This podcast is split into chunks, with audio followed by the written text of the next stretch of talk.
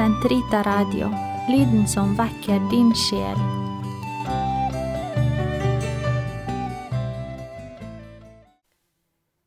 Vi fortsetter i dag med å lese fra broder Martinus Martin sin artikkel om åndelig lesende indre bønn, som sto trykket i Karmel nummer 3 1979. Den ble oversatt til norsk og trykket i ved Elias Kilde høst 2016 og høst 2017. Åndelig lesning og mangel på åndelige veiledere Når Teresa av Avila skriver om følelsesmennesker som kan ha det vanskelig under den indre bønnen, skriver hun ut ifra sin egen legning og erfaring, fordi hun selv var et slikt følelsesmenneske. I hennes selvbiografi kan vi lese Jeg brukte mye tid på å lese gode bøker. Det var kun her jeg fant oppmuntring og støtte. Gud hadde jo ikke gitt meg den gaven at jeg kunne resonnere med forstanden, eller gjøre bruk av min forestillingsevne. I Fullkommenhetens vei skriver hun, Jeg har tilbrakt mer enn 14 år der jeg ikke engang kunne tenke uten hjelp av en bok. Mange befinner seg sikkert i samme omstendigheter som jeg. Som følge av mangel på veiledning eller feilaktig sådan, måtte Teresa over så lang tid søke hjelp i den åndelige lesningen. På hennes tid ble tankearbeidet under meditasjonen vektlagt i altfor stor grad. Meditasjonen ble oppfattet som noe rent forstandsmessig. De fleste åndelige veiledere kjente ikke engang til den stille, ordløse, affektive bønnen, eller våget ikke å lede noen inn på denne bønnens vei i frykt for en eller annen form for kvietisme. Dette bygget på den vranglæren at vi i den indre bønnen viljeløst skulle oppta oss i Gud.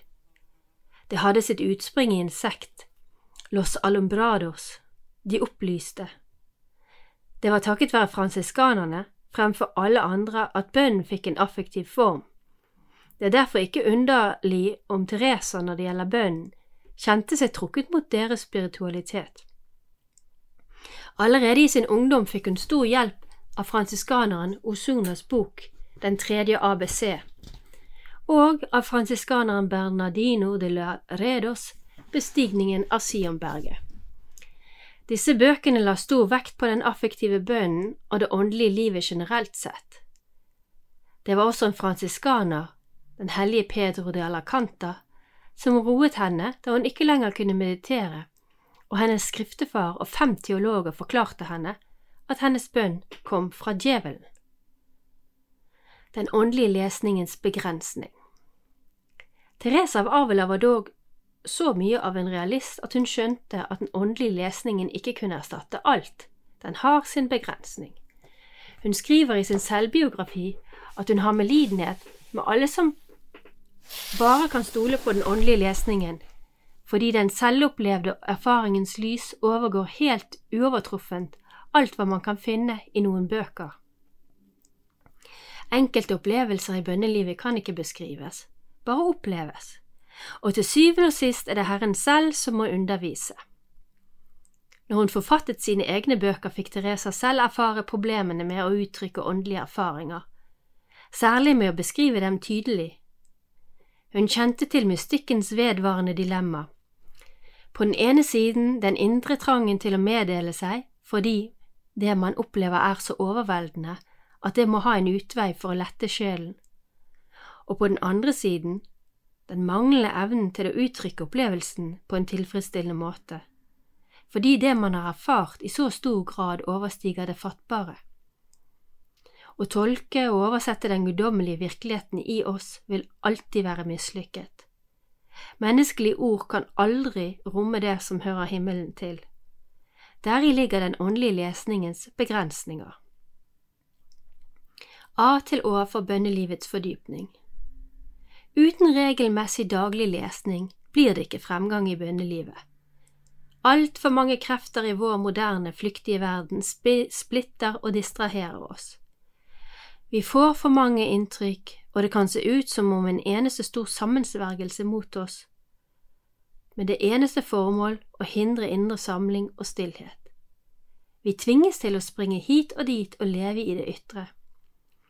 Derfor er det nødvendig at vi, at, at vi før vi ber, konsentrerer våre sjelskrefter for å oppnå denne stille, dype og inderlige samling som bønnen krever. Et godt middel til dette er altså den åndelige lesningen.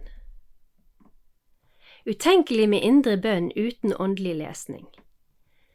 Den åndelige lesningen hadde stor betydning for Dresa av Avilas åndelige liv, og i særdeleshet hennes indre bønn. Den åndelige lesningen er absolutt nødvendig for fremsteg på bønnens vei. Den stimulerer til fortsatt bønneliv, den underviser om bønnens vei og kan komplettere og eventuelt erstatte åndelig veiledning. Den forbereder bønnen og er til hjelp for et ustadig og bevegelig sinn, og den kan fungere som avkobling for den som ikke kan gjøre seg nytte av forstandens og fantasiens virksomhet. Særlig i dag når hastverket splitter våre sjelskrefter, er den åndelige lesningen et av de middel som kan bidra til indre samling. God tid og behagelig kroppsholdning. Men hvordan skal man utføre denne åndelige lesningen for at den skal bli mest mulig fruktbar? Man bør så sant som det er mulig legge fra seg bekymringer som har oppstått i dagens løp. Den åndelige lesningen kan ikke utføres raskt mellom våre daglige gjøremål. I så fall blir den til ingen nytte, og den tiden vi avsetter, går tapt, fordi vi i stedet for å falle til ro blir enda mer stresset og nervøse. Alt vi gjør, må vi sette av tilstrekkelig tid til. Ellers blir arbeidet slurvete utført, og vi blir stresset selv. Dette er et allmennprinsipp som i særlig grad gjelder det åndelige livet og alt det som måtte høre til dette. Biskop Bousset bestemte seg under en retrett for at han skulle sette av mer tid enn han trengte til alt sitt arbeid. Han så det som et nødvendig grep for å redde den indre stillheten som han hadde behov for i sitt åndelige liv. Dette kan være nyttig også i våre liv, i våre daglige gjøremål og ikke minst i vår åndelige lesning. Om vi setter av for eksempel 15 minutter til dette, bør vi på vår dagsplan ha 20 minutter tilgjengelig. Det vil skape ro i vårt indre, noe som også er en avspent kroppsholdning kan bidra med. Det kan være nyttig å foreta den åndelige lesningen i en lenestol så fremt det har en beroligende virkning. Hver enkelt bør prøve seg frem for å finne noe som kan lede til fysisk og psykisk ro Først da kan den åndelige lesningen bli givende og trenge inn i våre hjerter.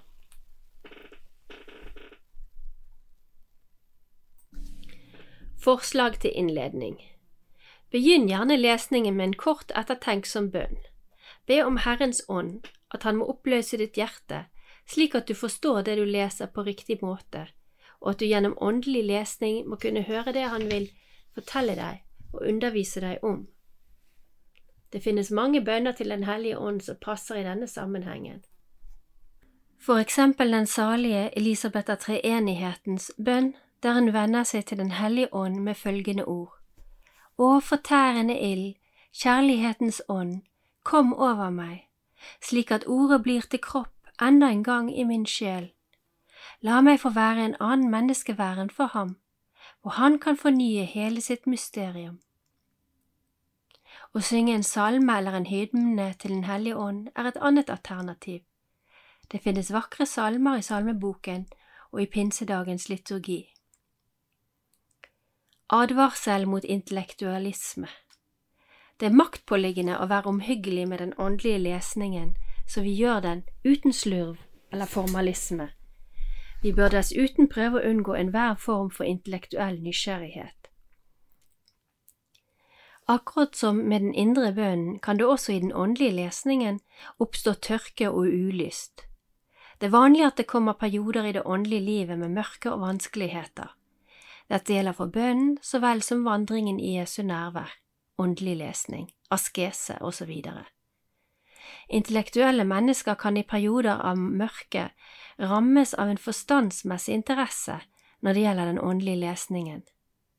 Det blir bokens innhold, stil og språk som tiltrekker oppmerksomheten.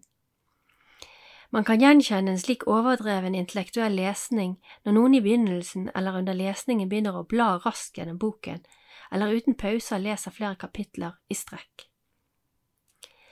Det er de samme intellektuelle menneskene som når det gjelder den åndelige lesningen gjerne vil holde seg à jour med den religiøse litteraturen, kjenne til de siste nyhetene på det religiøse bokmarkedet. Hver uke har de en ny åndelig bok. Ved en slik fremgangsmåte degraderes den åndelige lesningen til en profan sådan. Å lese åndelige bøker er ikke ensbetydende med å utføre åndelig lesning.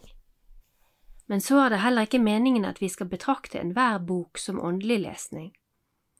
En åndelig bok kan brukes til studier, til teologisk forskning, undervisning, prekener eller foredrag, men en slik lesning skjer på et intellektuelt nivå, og ikke på hjertets nivå, og det er jo i det sistnevnte at bønnen foregår.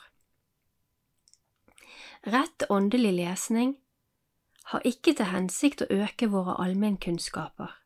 Den er første rekke ikke forstandens, men hjertets føde, ikke næring for våre ytre følelser eller stemninger, men for vårt dypeste indre, der forstanden og viljen samles i et skjæringspunkt og utgjør kjernen i menneskets personlighet.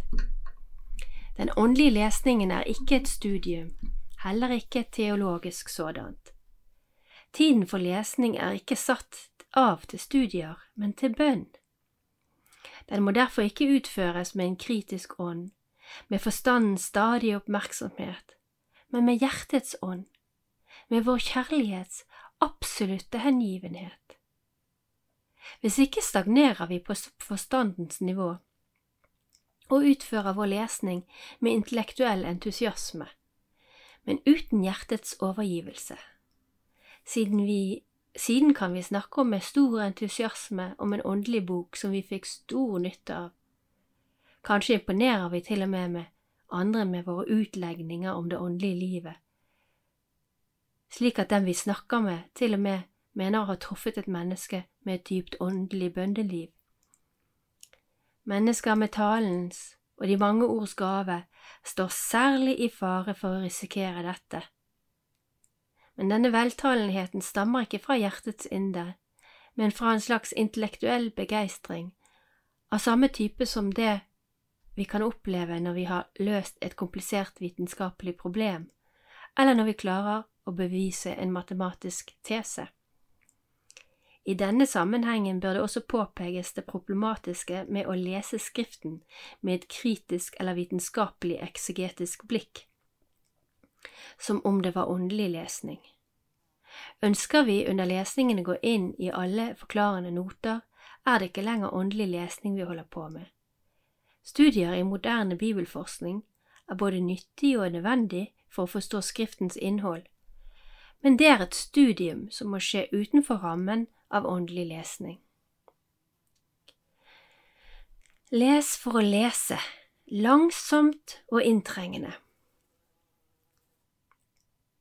Den åndelige lesningen bør utføres slik som middelalderens munker gjorde det, og som i klostertradisjonen kalles for lexio divina. Vi leser for å ta imot Guds budskap til oss. I middelalderens klostre fantes det jo ikke stort forråd av åndelig litteratur, slik som det finnes i dag. Boktrykkerkunsten var ennå ikke oppfunnet, alt ble skrevet på dyrt pergament, og det krevde mye tid. Man måtte nøye seg med et begrenset utvalg. Det gikk dessuten heller ikke an å lese fort, fordi man, for å spare på pergamentet, skrev ordene uten mellomrom. Man leste for å lese, ikke som vi gjør i, i altfor stor grad i dag, leser for å ha lest. Det var en langsom, inntrengende lesning, som gjorde, gjort med indre andakt, stadig avbrutt av korte opphold. Slik fikk Den hellige ånd anledning til å la sin røst høre, og sjelen fikk mulighet til å lytte til Gud. Det er i denne ånd vi skal utføre vår åndelige lesning. Når noe i teksten vekker vår oppmerksomhet, skal vi lese det om igjen. Kanskje omfatter lesningen bare noen få setninger, som vi leser om igjen og om igjen. Spesielt ved lesning av Bibelen kan vi oppleve at et eneste vers, er bare noen få ord, vil være alt vi kan ta imot av åndelig lesning den dagen.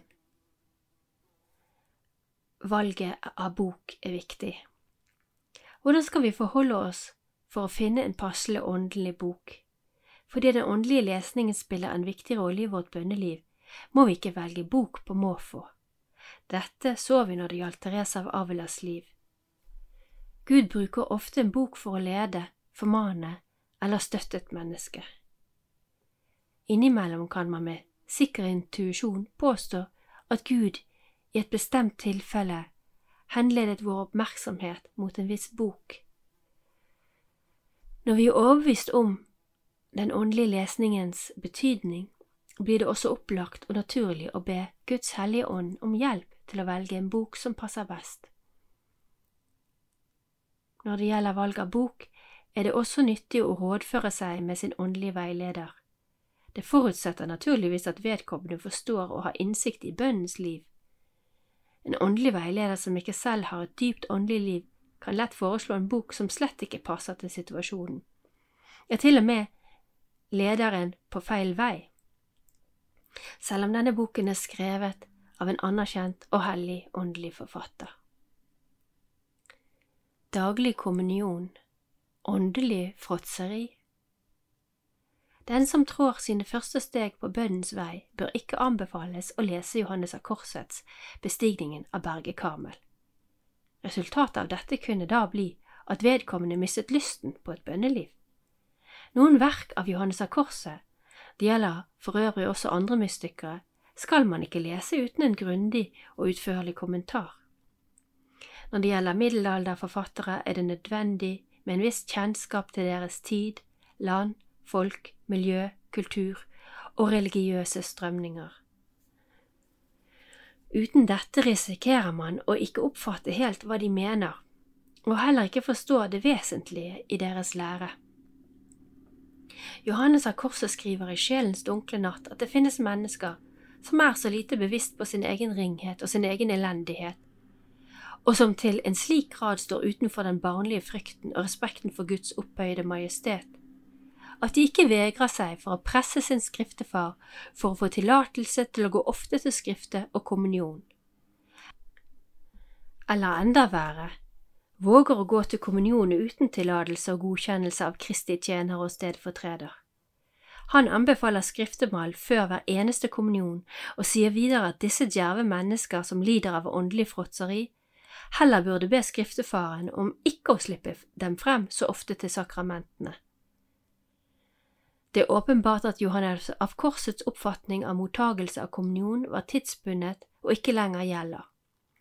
Kirkens utvikling har avslørt den som overdrevent streng, i og med at pave Pius 10. har anbefalt daglig kommunion.